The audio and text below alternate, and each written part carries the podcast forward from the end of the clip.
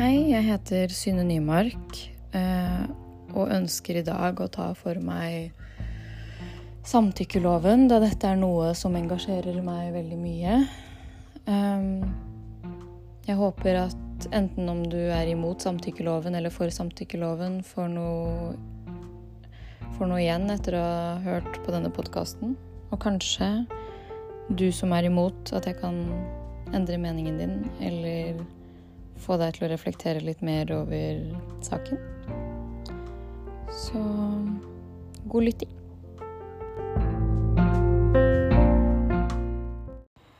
OK.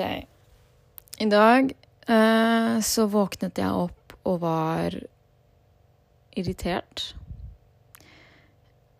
Jeg hadde hatt veldig mye drømmer og igjen og klarte ikke å komme opp når jeg skulle. Og så våkner jeg til at eh, Eller jeg våkner til en irritasjon av at en bekjent av meg eh, kommer og mener masse om en samtykkelov han ikke forstår seg på. Samtykkelov er jo noe jeg, har vært veldig engasjert i veldig lenge. For jeg mener at det er veldig mange voldtekter som kunne vært unngått. Eh, nettopp fordi veldig mange forstår ikke selv Veldig mange overgripere forstår ikke selv at de er en overgriper. noe som gjør at veldig mange får et forvrengt syn på det. Veldig mange påstår at det fins jenter som, eller gutter for den saks skyld, som anmelder bare for å anmelde, og anmelder fordi de liksom har angret. Men det er jo ikke det det handler om. Veldig mange Det er ingen som Jeg kan ikke tenke meg at det er noen som ønsker å gå igjennom en sånn prosess, med mindre det faktisk har skjedd. For det er en tung og ganske jævlig prosess. Um, denne personen påstår at en samtykkelov, at man skal måtte skrive under på et samtykke eller legge inn samtykket sitt på en app, men det blir jo helt tullete. For det, altså det er jo helt idiotisk. Man skal ikke trenge å bruke en app for dette her. Eller et papir. Fordi et samtykke kan trekkes tilbake. Man kan få lyst til å stoppe. Samtykke handler om at man skal kunne vise at man ønsker det. Man skal kunne vise at man vil være med. At det er noe begge to har lyst til. Man skal være engasjert og ha lyst.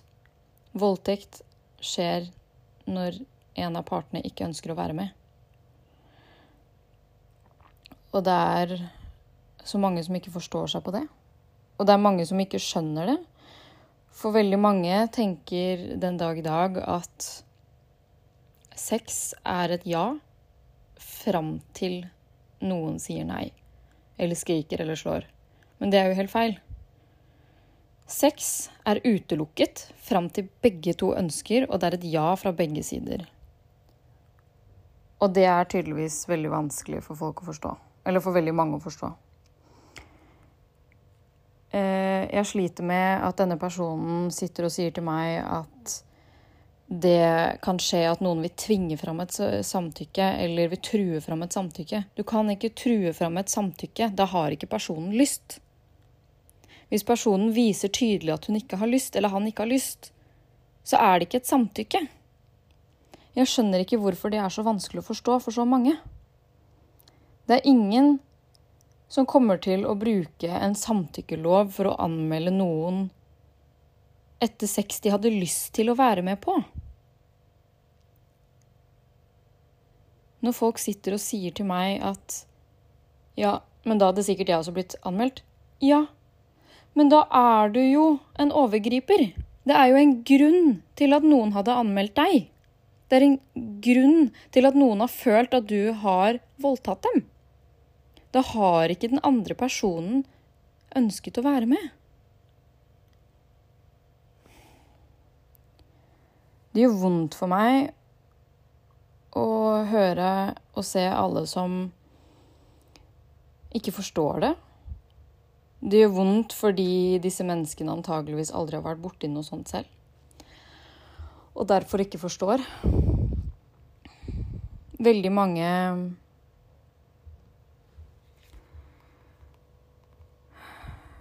Det er så mange som bare ikke forstår det. Det er så mange som Jeg tror det er veldig mange som kanskje ikke får ligget så ofte som de ønsker.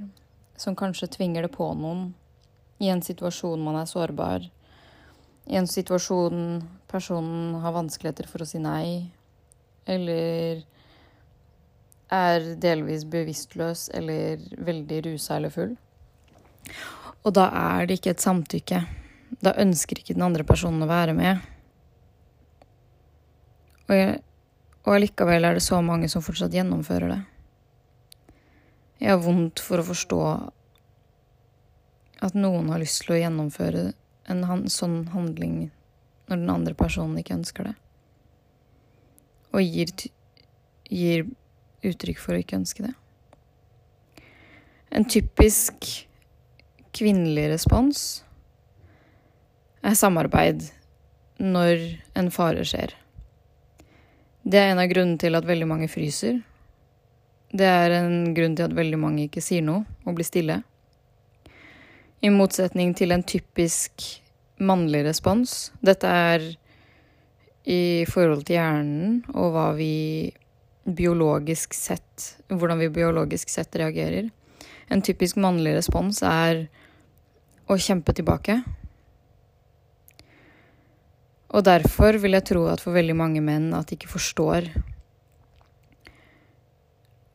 hva, hvorfor en samtykkelov vil være relevant. For en mann, eller i hvert fall for veldig, veldig mange menn, tenker at man vil kjempe imot uansett hva.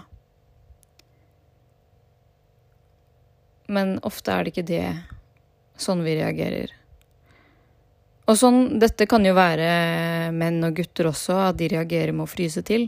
Det er en veldig vanlig reaksjon. Samarbeid når fare skjer, er en veldig vanlig reaksjon. Nettopp fordi det gjør mindre skade. Det er en måte å beskytte seg selv på.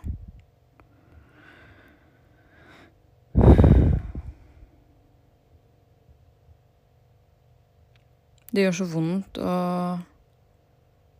sitte og se på debatten i dag.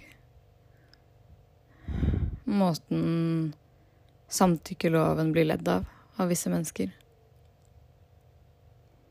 Da tenker jeg at det er mye de menneskene ikke har reflektert over. At det er mye disse menneskene ikke har opplevd selv. For den dag i dag er det nesten umulig å få gjennom en voldtektssak. For en stund tilbake så, så jeg på en dokumentar av en kvinne som hadde blitt voldtatt. Hun, hun hadde vært så full at hun hadde passet ut, eller sovnet, og våknet ikke. Og da hadde to gutter, en filmet at han andre kompisen hadde sex med henne. Mot hennes vilje. Hun sov jo, så hun kunne ikke gi samtykke. Men hun kunne heller ikke si nei eller slå rundt seg. Noe som er avgjørende i en voldtektssak den dag i dag. Vold... Eller overgriperne ble ikke dømt. Ennå de hadde filmbevis på at det skjedde. Men siden hun ikke våknet og sa nei, eller prøvde å slå rundt seg i en bevisstløs tilstand, så ble ikke disse mennene dømt. Og det fins en million av sånne tilfeller. Det er så mange mennesker som har det sånn. Det er så mange mennesker som blir møtt av et system som ikke fungerer.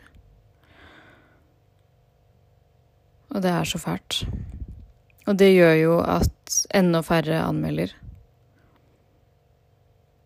Vi vet sånn cirka statistikken på hvor mange som anmelder den dag i dag. Jeg tror det er i hvert fall dobbelt, om ikke mer, som lar være å anmelde. Og veldig ofte er jo dette fordi overgriperen ofte er noen du kjenner. Det er ofte en nær person. Mm, det er ofte en god venn. Eller kjæreste. Eller eks.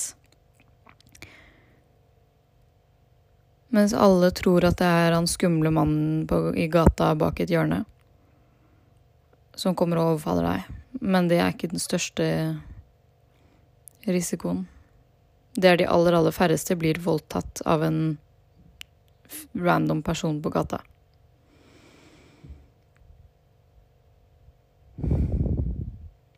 Og det gjør det jo enda vanskeligere å anmelde. Det gjør det enda vanskeligere å si fra og gjøre noe. Kanskje du er veldig glad i personen?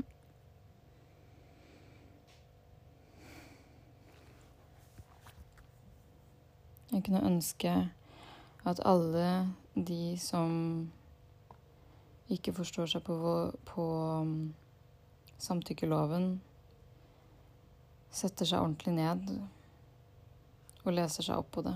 Og hvorfor det vil være gjennomførbart. Hvorfor det vil være positivt. For nå, i den tiden vi lever i, vil anbefalingsalgoritmer bidra til at du kun får informasjon om det du tror på nå. Det vil være med å kun gi deg informasjon om hvorfor en samtykkelov er bullshit, hvis dette er det du tror, og det du har søkt på, og det du har vært inne på. Mens informasjon om hvorfor det vil fungere, vil forsvinne. Og da får du da blir, da Man får ikke reflektert over begge sider av saken når du kun får den ene siden. Så jeg håper virkelig at hvis du kjenner noen, eller du ikke tror på det selv, be dem om å søke det opp. Be dem om å utdanne seg. Be dem om å forstå og reflektere. Og gjøre det selv. Før du sier noe, og før du gjør noe.